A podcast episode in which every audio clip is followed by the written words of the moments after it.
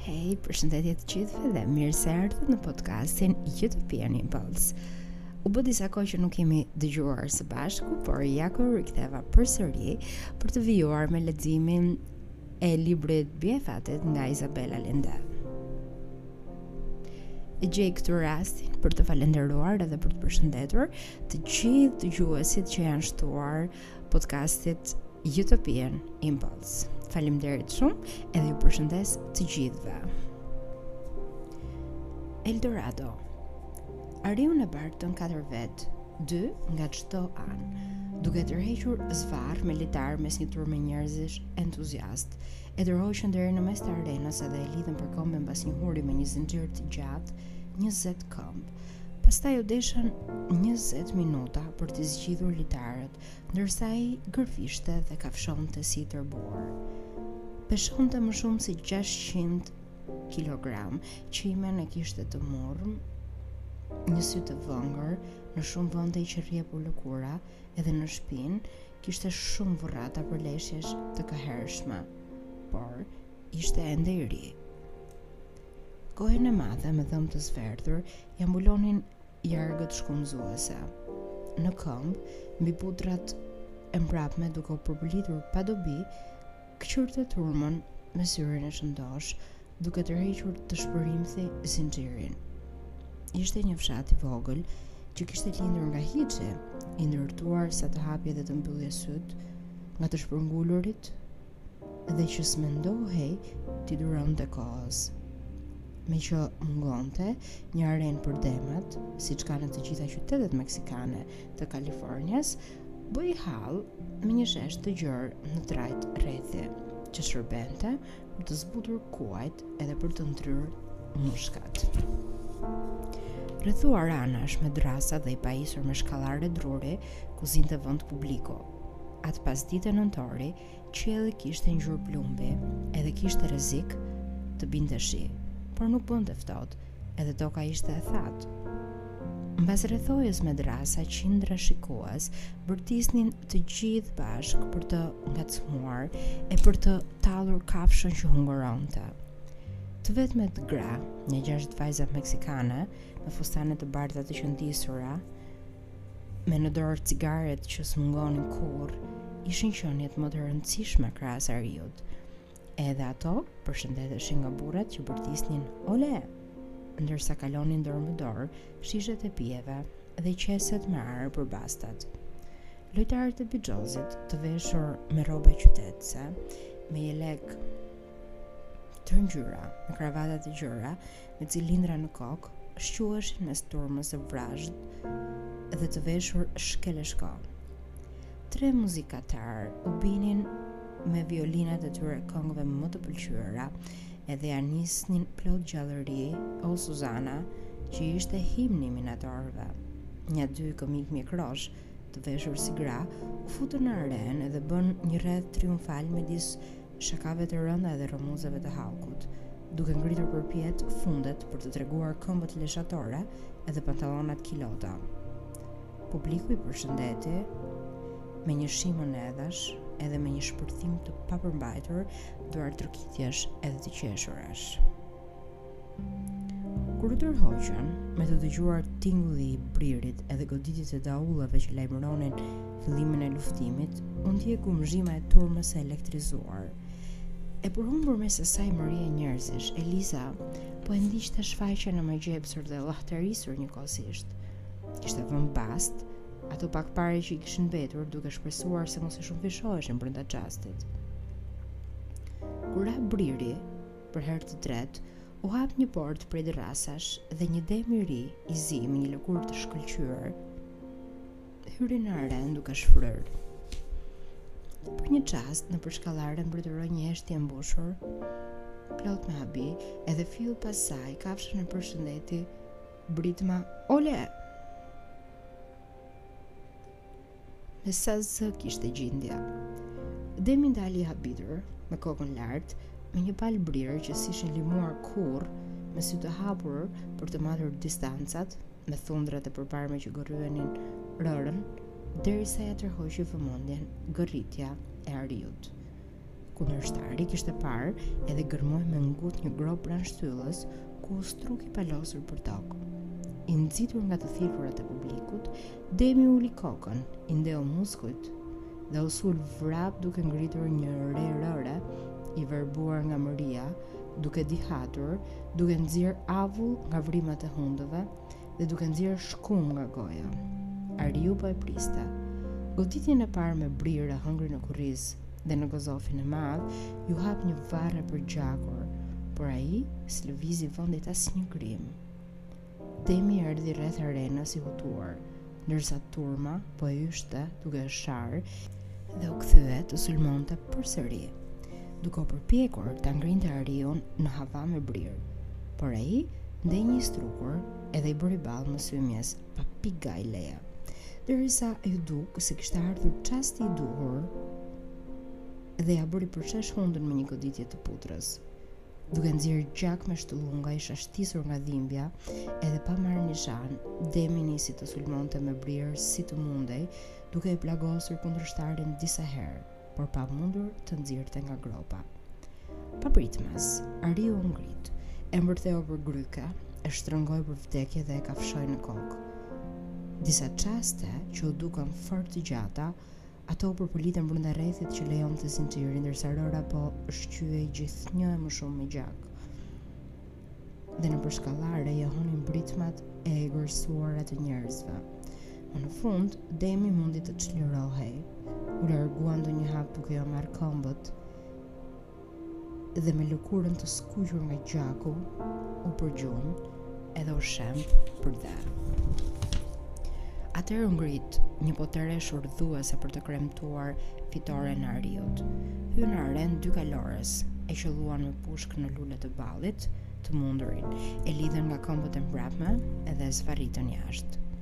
Eliza çau rrugë deri të dalja e neveritur, kishte bjerrë 40 dollarët e fundit, Gjatë muajve të verës dhe të vjeshtës së vitit 1849, Eliza udhëtoi majë kalit gjatë Veta Madres nga jugu në veri, nga Mariposa në Downieville dhe pastaj në drejtim të kundërt, duke qenë gjithnjë më pak e sigurt se Joaquin Andieta kishte ndjekur atë rrugë nëpër rrëmore të rrëpira që nga shtretërit e lumenjve dhe deri në shpatet e Sierra Nevadas. Kur pyeste për të, në fillim ishin të paktë ata që kujtoheshin për një njeri, emri të cilit apo përshkrimi i pamjes së tij të jashtme t'u përgjigjej thënieve të saj. Por andej nga fundi i vitit figura e tij nisi të merrte anëtore të njëmendta dhe kjo gjë i jepte fuqi vajzës të vazhdonte të kërkonte. kishte përhapur fjalë se vëllai i tij, Eliasi, ishte duke e kërkuar edhe gjatë atyre muajve më shumë se një herë, jehona ia kishte kthyer atë zë mbrapsht. Në shumë raste, kur pyeste për Joaquinin, e kuptonin se ishte i vëllai, para se të thoshte kush ishte. Në atë zonë të egër, posta nga San Francisco mbërrinte disa muaj me vonesë, edhe gazetat donin javë të vinin, por tamtami punonte për mrekulli. Ishte e mundur që Joakin Andieta të mos kishte dëgjuar se po e kërkonin? Meqë nuk kishte vëllezër, duhet ta kishte vrarë mendjen kush ishte ai farë Eliasi, dhe po të kishte një grimë intuitë, mund ta lidhte atë emër me emrin e saj. Edhe po të mos dyshonte, të paktën duhet të bëhej kureshtar, për të mësuar se kush po e hiqte veten si vëllai i tij. Natën Eliza mezi flinte, duke u ngatërruar në atë lëmsh hamendjesh edhe duke dyshuar fort se heshtja mund të shpjegohej vetëm po të kishte vdekur ose po të mos donte ta gjenin. Po sikur me të vërtetë, T'i përvidhej asaj, sikur e kishte hedhur fjalën Tao Çieni. I kalonte ditët duke ecur me kalë edhe netët e shtrirë përdhe, në më të parin vend që i dilte përpara, mbulohej me batanijen e saj kastiljançe, edhe vinte çizmet nën kokë, pa u zhveshur. Tashmë, nuk e bezdiste më pisllëku dhe djersa, hante ku kishte mundësi, dhe të vetmet masa që merrte ishin të ziente ujin e pishëm edhe të mos shikonte gringot në sy. Asokohe numëroheshin më shumë se 100.000 argonautë dhe vazhdonin të vinin të tjerë, ishin hapërdarë gjatë Veta Madres edhe po e kthenin botën përmbys, duke zhvendosur male, duke ndryshuar shtretërit e lumenjve, edhe duke rrënuar pyje, duke bërë pluhur gurët, duke zëvën, zhvendosur mijëra tonelata rërë, edhe duke gërmuar gropa vigana. Në zonat ku kishte ar, ato vendina idilike që kishin mbetur të pacenuara qysh në fillim të kohëve, ishin shndërruar në një mankth të frikshëm. Eliza s'kishte çast që të mos tronditej nga ç'shihte, por e kishte mbledhur pak veten edhe s'kishte më frikë. Iu kthyen zakonet bash kur s'duhet t'i vinin, sepse ishte vështirë t'i mbande të fshehta duke jetuar bashkë me burrat, por i priti me kënaqësi, si shenjë që trupi i saj më në fund ishte shëruar. Gjilpërat e tua më kanë bërë mirë Tao, shpresoj se do të lindë fëmijë në të ardhmen, i shkroi shokut të saj e bindur se ai nuk do të kishte nevojë për shpjegime të tjera që ta kuptonte. Nuk u ndaj kurrë armëve edhe pse s'dinte t'i përdorte dhe uronte që të mos i takonte t'i provonte. Vetëm një herë qëlloi në ajër për të larguar disa të rinj indianë që i qenë afruar shumë, edhe i qenë dukur të rrezikshëm. Por, po të kishte luftuar me ta, do të kishin pësuar keq, sepse s'ishte e zonja të rrokte një gomar as 5 metra larg. Nuk e kishte përmirësuar aftësinë për të marrë në shenjë, por mjeshtërinë për t'u bërë e patukshme. mund të hynte nëpër qendra të banuara pa rënë në sy, duke u përzier me grupe latinësh mes të cilëve një djalë me pamjen e saj kalonte pa u vënë re. Kishte mësuar të imitonte në mënyrë të përsosur të folmen peruane, edhe atë meksikane, kështu që mund të shtirej si një syresh kur kërkonte vend për të fjetur. e ndryshoi edhe anglishten e saj britanike në favor të së folmes amerikane dhe nisi të përdorte sharjet dhe fjalët e ndyta që duheshin për t'u pranuar mes gringove. E dinte se duke folur si ata, do ta respektonin. Rëndësi kishte të mos jepte shpjegime, të fliste sa më pak, të mos kërkonte asgjë, të punonte, edhe të shikonte çapin e vet, të kundërshtonte kur e provokonin, edhe të kapej fort mbas një bible që kishte blerë në Sonora. Edhe ata më të dhunshmit ndienin një nderim bestyt për atë libër. I habiste ai çunak, pa dalë mjekra me zë çupe që lexonte shkrimet e shenjta, por nuk e tallnin haptas, përkundrazi, disa syresh i dilnin krah, gati të kapeshin me këdo që do ta vinte në lojë. Ata njerëz të vetmuar dhe të pamëshirshëm që ishin nisur për të kërkuar fatin, sikurse heronjtë legjendarë të Greqisë së lashtë, dhe që tashti ishin të detyruar të luftonin për të mbijetuar, shpeshherë të sëmurë, të dhënë mbas alkoolit dhe dhunës, siç kishin një dëshirë për dhembshuri dhe rend. Këngët romantike ua përlotnin sytë dhe ishin gati të paguanin çfarëdo shume për një rriskë tortë mollësh që u jepte atyre një hop ngushëllimi kur i zinte malli për vatrën e tyre. I vinin rreth e rrotull që t'i afroheshin një shtëpie ku të kishte një fëmijë edhe pastaj rrinin edhe soditnin në heshtje, sikur t'ishte një mrekulli. Mos u druaj, Tao, nuk udhëtoj vetëm do t'ishte marrëzia vetë, i shkruante Eliza, shokut të saj, duhet udhëtuar me grupe shumë të mëdha të armatosur mirë dhe duke mbajtur sytë hapur sepse kohët e fundit janë shtuar bandat e keqbërësve. Edhe pse kanë një pamje shumë të frikshme, indianët janë shumë paqësorë, por po panë njeri të pambrojtur, e lënë me gisht në gojë, i marrin kalin armët, çizmet. Unë lëviz bashkë me udhëtarë të tjerë, tregtarë që shkojnë nga një vend në një tjetër me mallrat e tyre.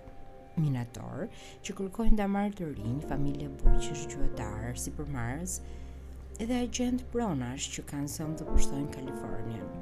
Kumarxhinj, pistoleros, avokatë dhe fundërrina të tjera që në përgjithësi janë shokë udhe shumë zbavitës. Edhe zemërgjerë. Ndër këto anë, vijnë rrotull edhe predikuas që janë gjithmonë të rinj në moshë Edhe duken si të çmendur, të shkalluar. Duhet të kesh besim të fortë që t'i përshkosh 3000 milje përmes prerive të pashkelura për të luftuar veset e të tjerëve. Largohen nga shtëpitë e tyre plot zell e pasion, duke synuar të çojnë fjalën e Krishtit në këto vende të humbura. Pa u bërë merak për pengesat edhe telashet, sepse Zoti ecën bashkë me ta. I quajnë minatorët adhuruesit e viçit të artë, duhet ta lexosh Biblën Tao, përndryshe s'ke për t'i kuptuar kurrë kristianët. Këta barinj shpirtrash nuk mposhten kurrë nga vështirësitë materiale, por shumëkujt prej tyre, u bëhet zemra copë, kur shohin që janë të pafuqishëm, para forcës së lakmisë edhe të tamahës. Është gjë e bukur edhe qetësuese t'i shohësh, kur sapo mbërrijnë ende të padjallëzuar, edhe është gjë e vështirë, T'i ndeshësh kur Zoti ka hequr dorë e s'i mbron më, edhe udhëtojnë si shpirtra të dënuar nga një fushim në tjetrin, të etur për ujë, nën një diell të pamëshirshëm. Që u djeg kokën për të predikuar ndër sheshe, nëpër mejhane përpara një publiku që s'e çan kokën dhe që s'i dëgjon pa hequr kapelen Edhe t'i shohësh pastaj, mbas 5 minutash tek pinë e dehen me ndonjë grua të përdalë, kam njohur një grup artistësh endacakë, Tao, ca qyqarë që ndalonin nëpër fshatra për të argëtuar miletin me pantonima, me këngë të shtyra dhe me komedi trashanika. Kam udhëtuar bashkë me ta disa javë rresht, edhe kam marrë pjesë në shfaqjet e tyre. Kur gjenim ndonjë piano, nisja dhe i bija. Përndryshe, interpretoja rolin e damës së re dhe të gjithë habiteshin sa më shikonin përshtat rolet femërore. M'u desh të ndahesha prej tyre sepse ajo gjendje kishte filluar të ma bënte mendjen çorap.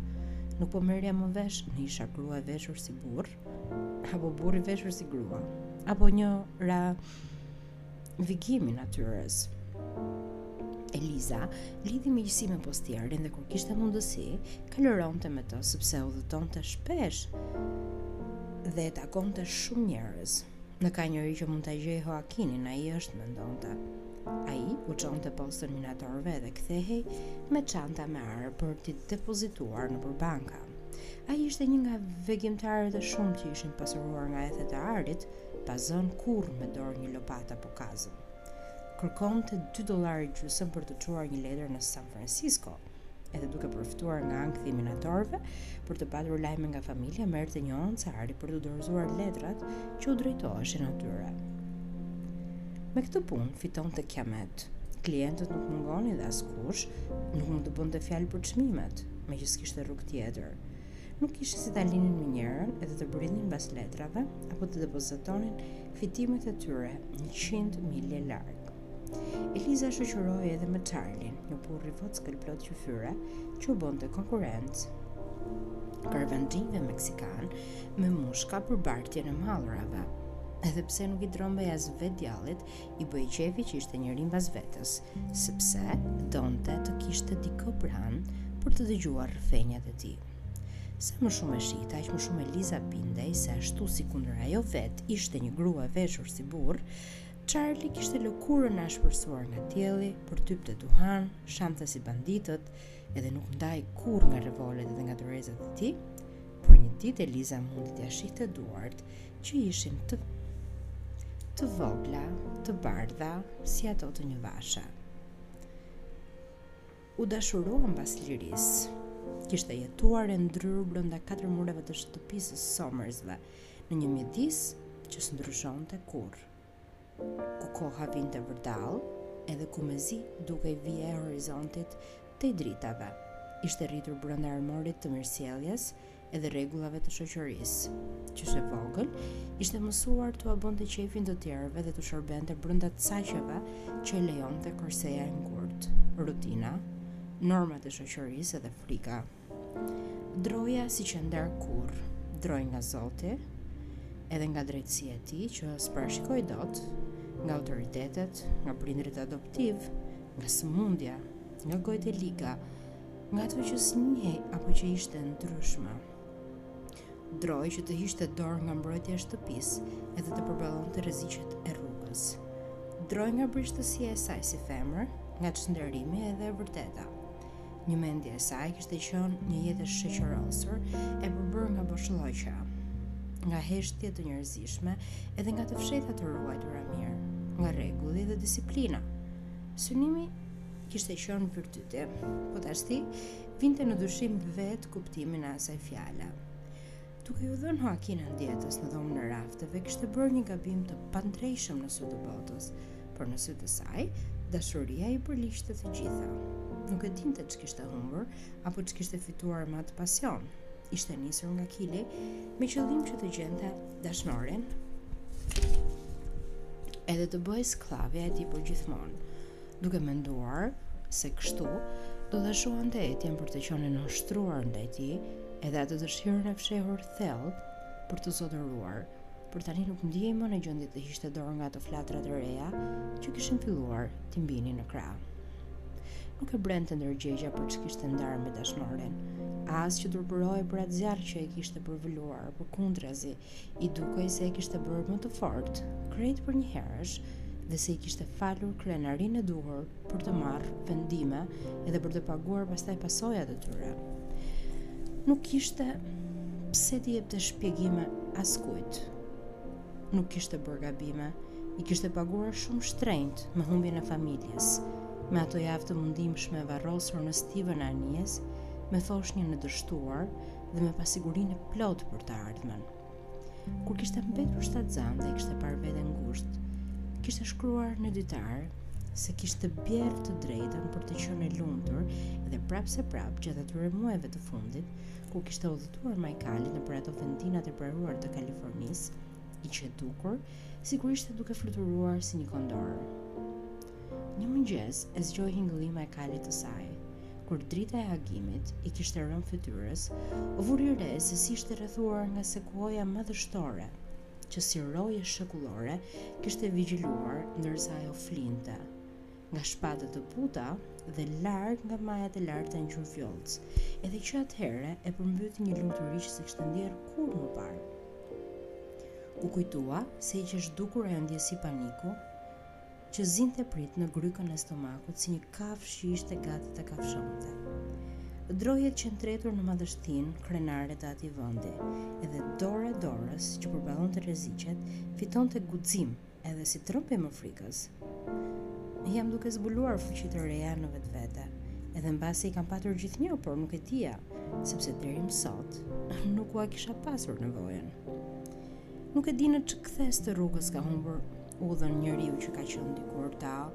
Tani jam një aventurier tjetër midis të shumtëve që janë hapërdarë brigjeve të këtyre lumenjve të kthjellët, rrëzë këtyre maleve të përjetshme.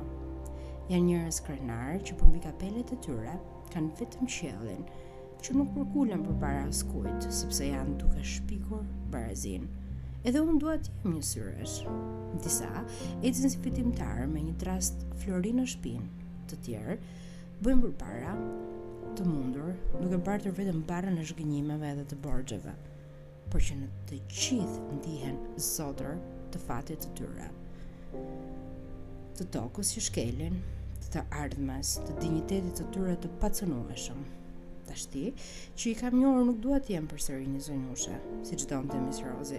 Tani, mund të kuptoj Hoakinin, Kur i vidhte orë të çmuara dashurisë tonë, që të më fliste për lirinë. Për këtë më fliste, për këtë hare, për këtë dritë, për këtë lumturi të thellë, si çastet e pakta të dashurisë kaluar bashkë që mund të sjell ndërmend. E ndjej mungesën e tij, Tao. Nuk e di me kë të flas për ato që shoh, për çka ndjej.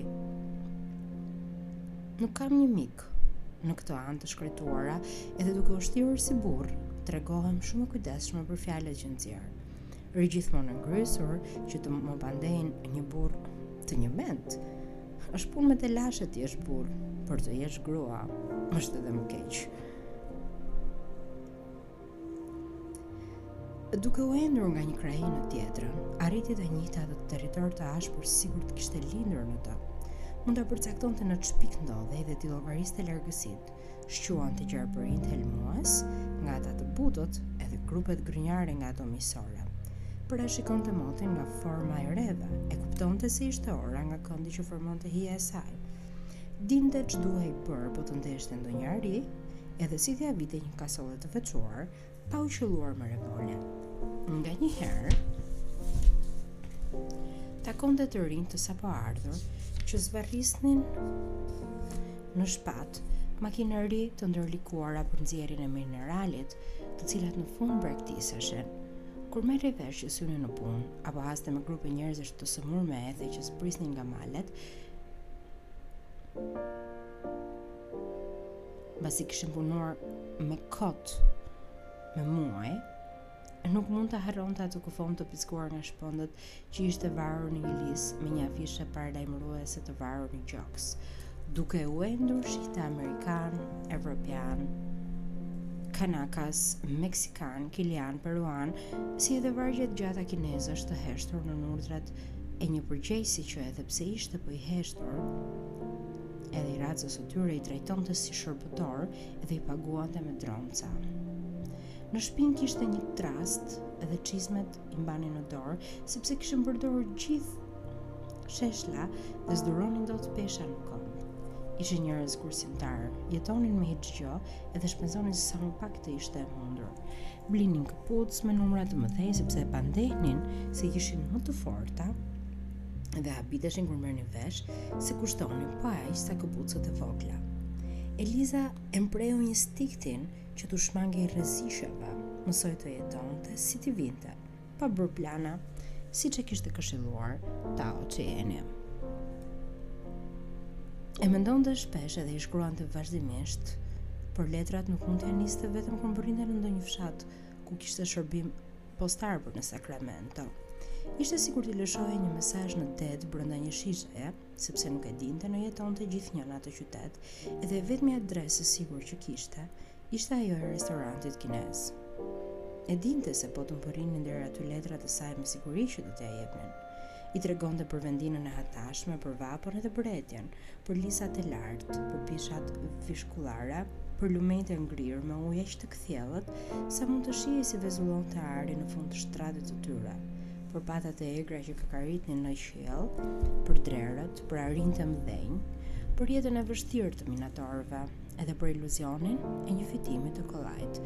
I thoshte atë që dinin që të dy me kohë, se ai nuk ia vlente të harxhoje jetën duke kërkuar pluhur të verdhë.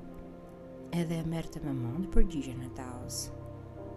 Nuk ia vlente as ta harxhoje duke ndjekur një dashuri të kotë, por ajo vazhdonte të shkonte drejt e në rrugën e saj, sepse nuk mund të ndalej.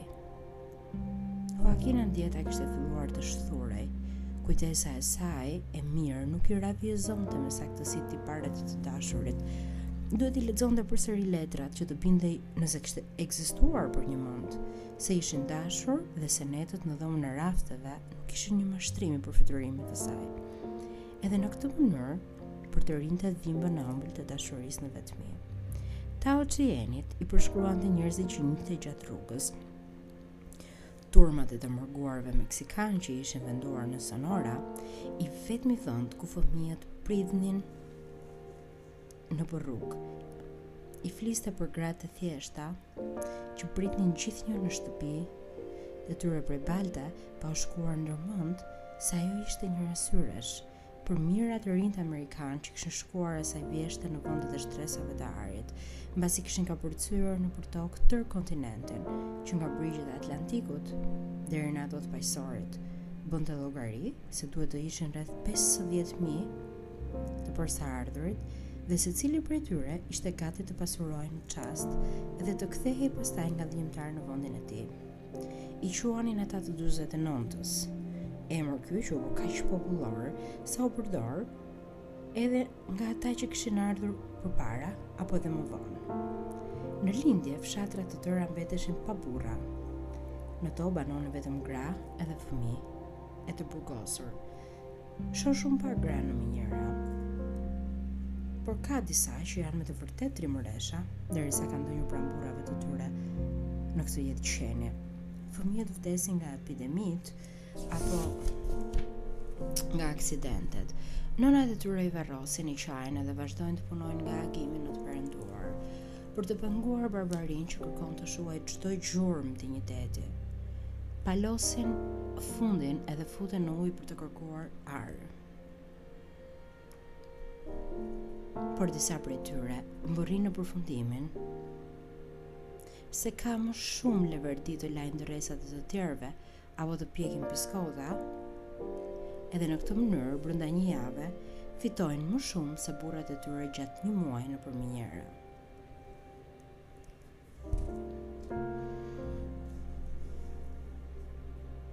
Çdo burrë paguan me gjithë qejf 10-fishin e çmimit për një bukë të mbruajtur nga duart e grave.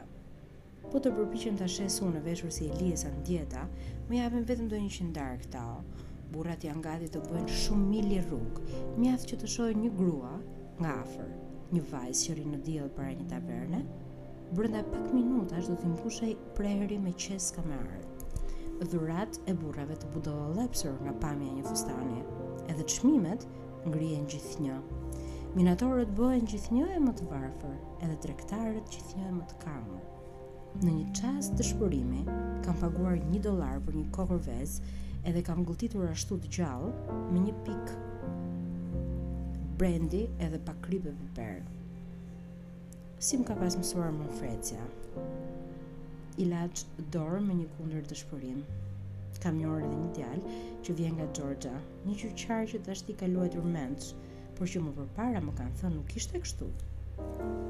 Në fillim të vitit kishte gjetur një damar ari dhe kishte mundur të gërvishte nga shkëmbinjtë me një lugë 9000 dollarë. Por pastaj i humbi brenda natës duke luajtur kumar. Nuk mund të marrësh me mend, Tao, sa dëshirë kam të bëj një banjë, të përgatis çajin edhe të ulem të flas me ty.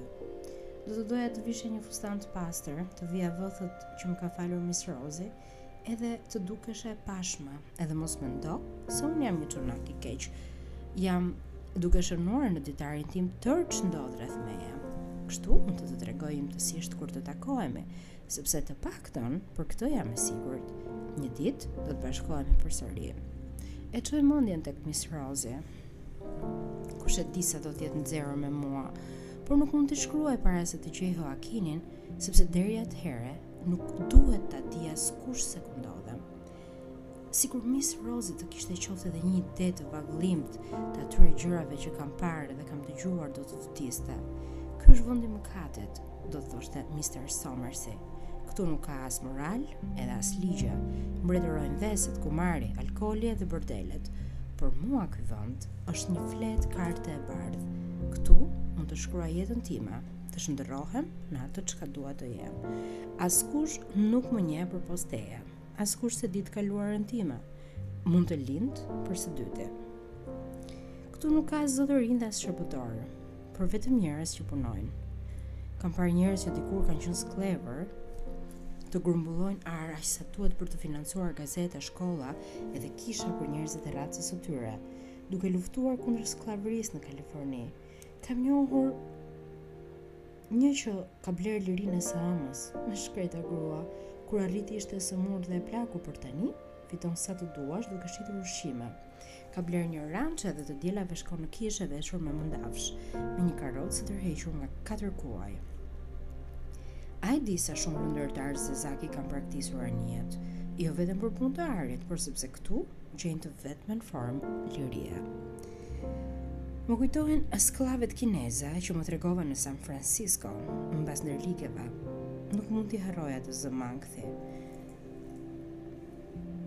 Ndër këto anë, edhe jeta e prostitutave është shumë e rëndë. Disa prej tyre vrasin veten. Burrat rrinë e presin me orë për të përshëndetur mësuesen e re. Por, i keqtrajtojnë vajzat e salonit. E di si i quan? Pëllumbesha të përbaltura.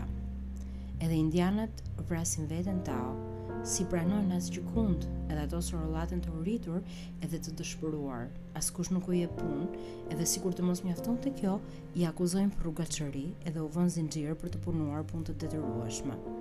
Kryetarët e bashkive paguajnë 5 dollarë për çdo indian të vdekur, I vrasin për qejf, edhe nganjëherë, ua rrjepin lëkurën e çaçkës së kokës.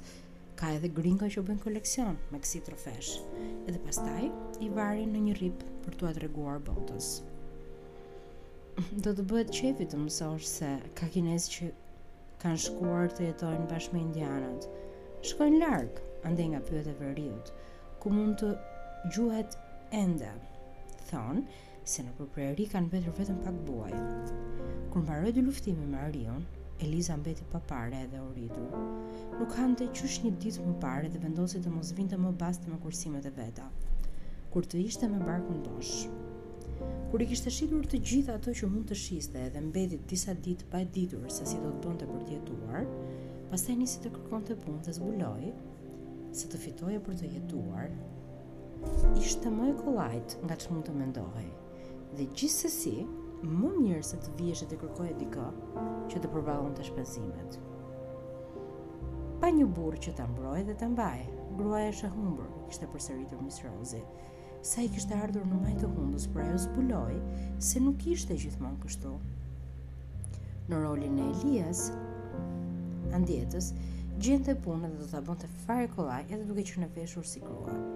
Të kërkonte punë si punëtor krahu. Me mëditje apo si bari gjedhësh, ishte e pamundur. Nuk dinte të përdonte as çatallin edhe as lakun e litarit. Edhe s'kishte fuqi të ngrinte lopatën apo të përzinte një dem të vogël. Por kishte edhe punë që mund t'i bënte. Atë ditë hyri, i hyri në punë pena, siç kishte bërë shumë herë më përpara. Postieri kishte dhënë një mendim shumë të mirë, të shkruante letra. Në rast se nuk mund të bënte në mejhane, le ta shtronte batanien e saj të Kastiljes në mes të një sheshi, të vinte sipër letrën edhe bojën e shkrimit, edhe pastaj të niste të rrapëllinte zanatin e vet, me sa kishte në fyt. Shumë minatorë, kishin vështirë të lexonin rrjedhshëm apo të nënshkruanin, edhe s'kishin shkruar asnjë letër në jetën e tyre. Por që të gjithë prisnin të vinte posta, duke iu rrahur zemra për gjynah. Ai çast ishte e vetmja lidhje me familjet që ndodheshin larg. Avulloret e Pacific Mail mbërrinin në San Francisco çdo dy javë me thasët me letra dhe porsa dukej në horizont gjindja vraponte të zinte radhën para zyrës postare.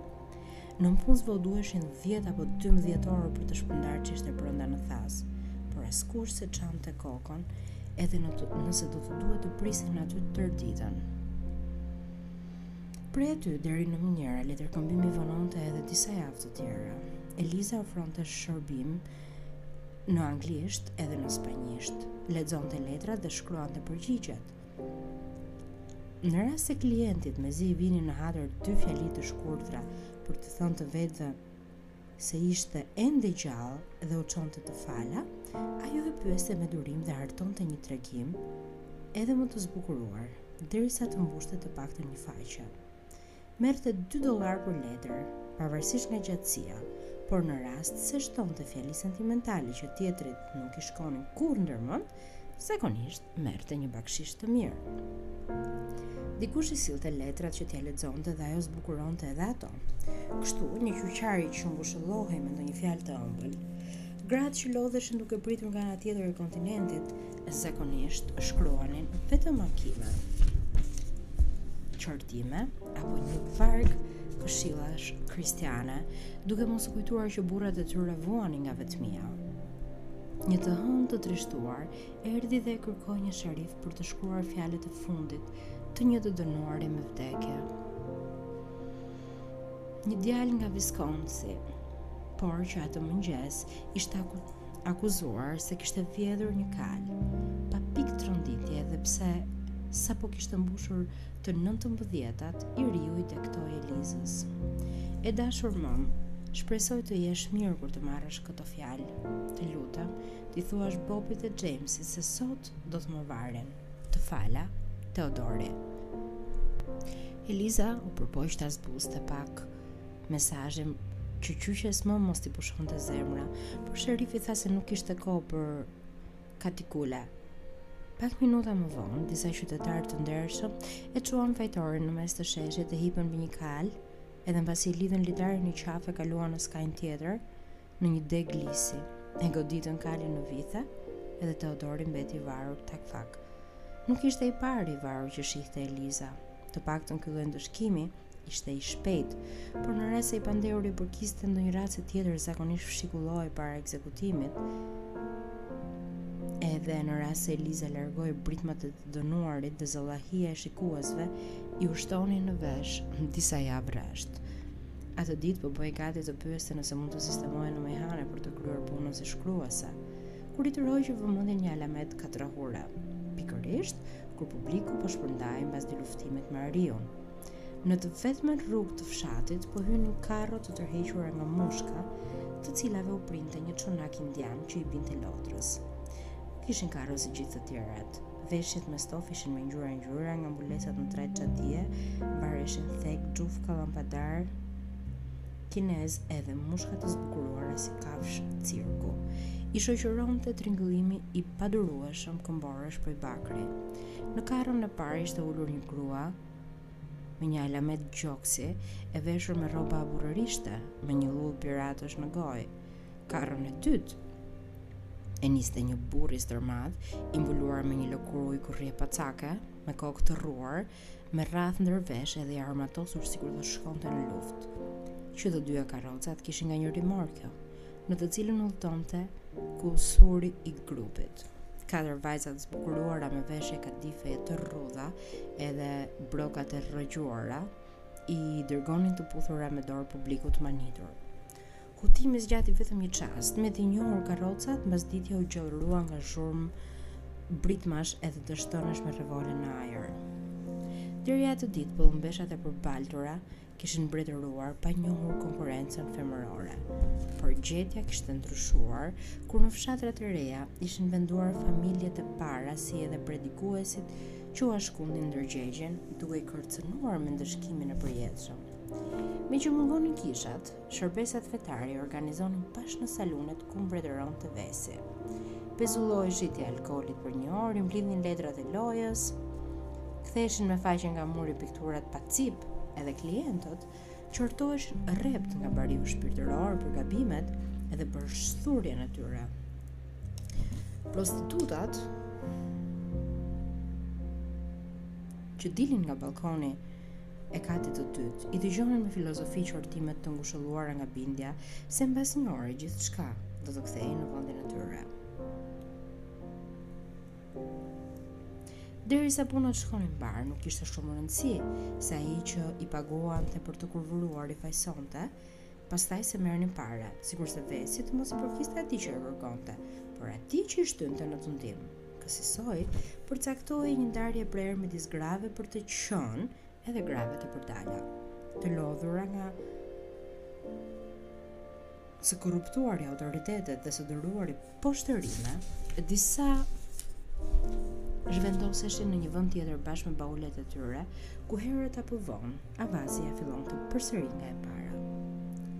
Mendimi që ai shërbim të bëhej duke lëvizur nga një vend në tjetrin, kishte atë të mirë që jo vetëm e shmangte mësymin e bashkëshortëve dhe klerikëve, por e shtrinte fushën e veprimit edhe në zona të thella, ku fitohej dyfish. Punët shkonin si s'ka më mirë, kur klima ishte e mirë, por dimri ishte mbas dere, mbas pak do të binte borë edhe rrugët do të bëheshin të pakalueshme. Ai ishte një nga udhëtimet e fundit të grupit, karrot i ranë përmes fshatit, edhe ndalë në të dalë të tij, të ndjekura nga një procesion burrash që kishin marrë zemër nga alkooli edhe nga dyluftimi i ariut. Edhe Eliza shkoi andej për të parë nga afër atë gjë të re. E kuptoi se do të rralloheshin klientët e letërshkrimit të saj, edhe pse duhet të gjente një mënyrë tjetër për të nxjerrë paret e darkës.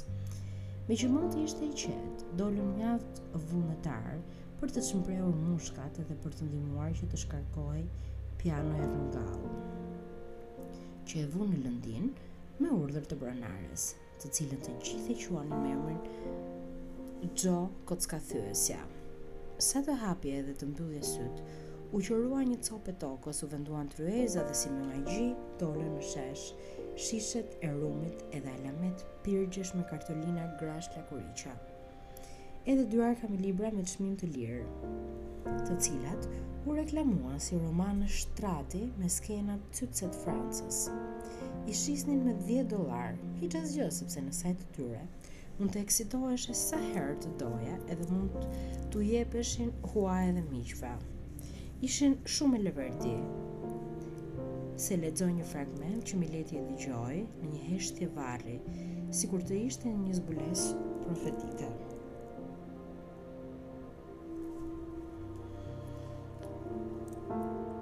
Kur mbaroi leximin, shpërtheu një rrëmet të qeshurash dhe thumbash Edhe brenda pak çastesh nuk mbeti libër nëpër arka. Ndërkohë kishte zbritur nata dhe u desh të ndizeshin pishtarët për të bërë dritë. Pronarja njoftoi çmimin e kripur të shishave të rumit, por vallëzimi me vajzat kushtonte sa një e katërta. A ka ndonjë që di t'i bjerë kësaj pianoje të mallkuar? Pyeti atëherë Eliza, së cilës i qenë errur sytë nga uria. Bëri përpara dhe u ul para pianos së çakorduar, duke kujtuar Miss Rozin. Kishte 10 muaj që nuk i binte, edhe nuk kishte ndonjë vesh kush e di se çfarë. Por e ndihmuan ato vite që ishte ushtruar, duke mbajtur lidhur mbas shpine atë thupër metalike dhe duke ngrënë nëpër duar goditjet e profesorit belg. Ia filloi me një nga ato këngët mikluese që Miss Rozi me të vëllanë, kapitenin, kishin zakon t'i këndonin në duet, në ato kohët e pafajshme të mbrëmjeve muzikore. para se fati ta godiste rëndë dhe t'ia përmbyste jetën. Plot habi vuri re se ekzekutimi e saj pa pikë hijeshie po pritej shumë mirë. S'kaluan as dy minuta dhe s'di nga doli një violinë shkatërraqe për ta shoqëruar dhe vallëzimi u gjallërua. Edhe burrat nisën të bërtisnin edhe të bënin gra, garë njëri me tjetrin, kush e merrte më përpara katër gratë për t'u hedhur dhe për të kërcyer në pistën e sajuar për atë rast. Ai përbindshi i veshur me një lëkurë hoqi kapelen dhe Eliza e vuri mbi piano me një gjest aq të prerë sa askush nuk guxoi të bënte sikur s'e vuri re. Edhe ajo sakaq u mbush me bakshishe. Njëra prej karrove përdorej kryesisht për të banuar në të e zonja edhe djali i saj i birësuar, ai çonaku që i binte lodrës. Në një tjetër, udhëtonin rrasë e plasë gratë e tjera, ndërsa dy rimorkiot ishin shndërruar në alkova, secila prej tyre, e veshur me shalle shumëngjyrëshe, kishte një shtrat me katër shtyllëza edhe baldakine, në buzët e të cilave qenë qepur kunupiera, një pasqyrë me kornizë të praruar, një duarlarëse, edhe një legen majolike, tapete persiane të dalë boje dhe të ngrëna mole, por që ende binin në sy, edhe shandanë me qirinj të mëdhenj. Këto stoli teatrore u jepnin zemër klientëve, fshihnin pluhurin e rrugës, si dhe dëmtimet e shkaktuar. shkaktuara nga përdorimi. Ndërsa dy nga vajzat vallëzonin, dy të tjerat kryenin shpejt e shpejt detyrën e tyre brenda karrove. Padronja, që kishte duar të arta për lojërat me letra, nuk luante në tryezat e lojës, edhe i merrte të parapaguara paret për shërbimet e pëllumbeshave të saj. Shiste rumin edhe gjallëronte zallamahinë, pa e hequr kurrë llullën nga goja. Eliza luajti në piano këngët që dinte përmendësh edhe kur i shkoi në fund repertorit, ia nisi përsëri nga e para dhe askush nuk u kujtua se po përsëriteshin këngët, derisa ajo veshi sytë nga lodhja. Kur u kujtua se ajo mezi po rrinte më këmbë, divi njoftoi se do të bëhej një pushim i shkurtër. Mori paret nga kapelja dhe i futi në xhepat e pianistes. Pastaj i shkoi krahun dhe zorrë duke mbajtur hopa e çoi në karrocën e parë, ku i rrasi në dorë një gotë rumi. Ajo refuzoi me një shenjë të dobët të kokës, që mezi u pa.